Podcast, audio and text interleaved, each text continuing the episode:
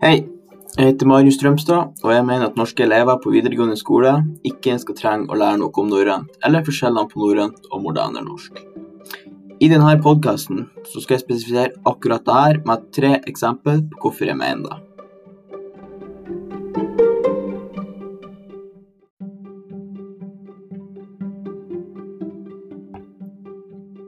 Ja, Mitt første eksempel er at vi ikke har bruk for norrønt senere i livet. Det er ikke et tema som er nødvendig i f.eks. jobblivet, eller å gjøre dagligdagse ting, sånn som betale regninger.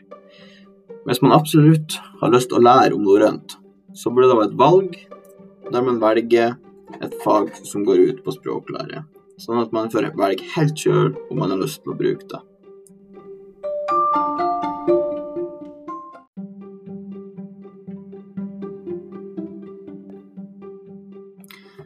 Mitt andre eksempel er at det ikke er mange som vil ha norrønt.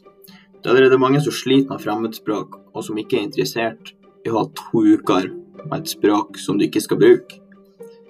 Og det er ikke noe særlig god følelse å sitte der og slite med å stå i fremmedspråk, og så skal du begynne å lære deg et nytt språk igjen. Det hjelper ikke på motivasjon.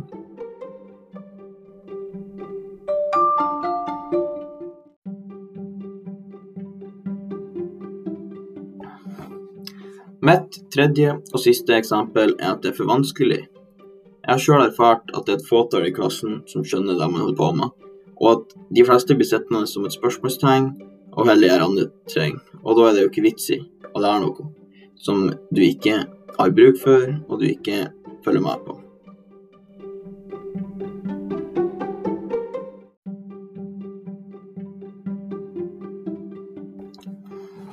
Ja, det var da mine tre eksempel som jeg syns er sentralt. Så jeg håper med min mening at det kan bli gjort noen endringer. Takk for meg.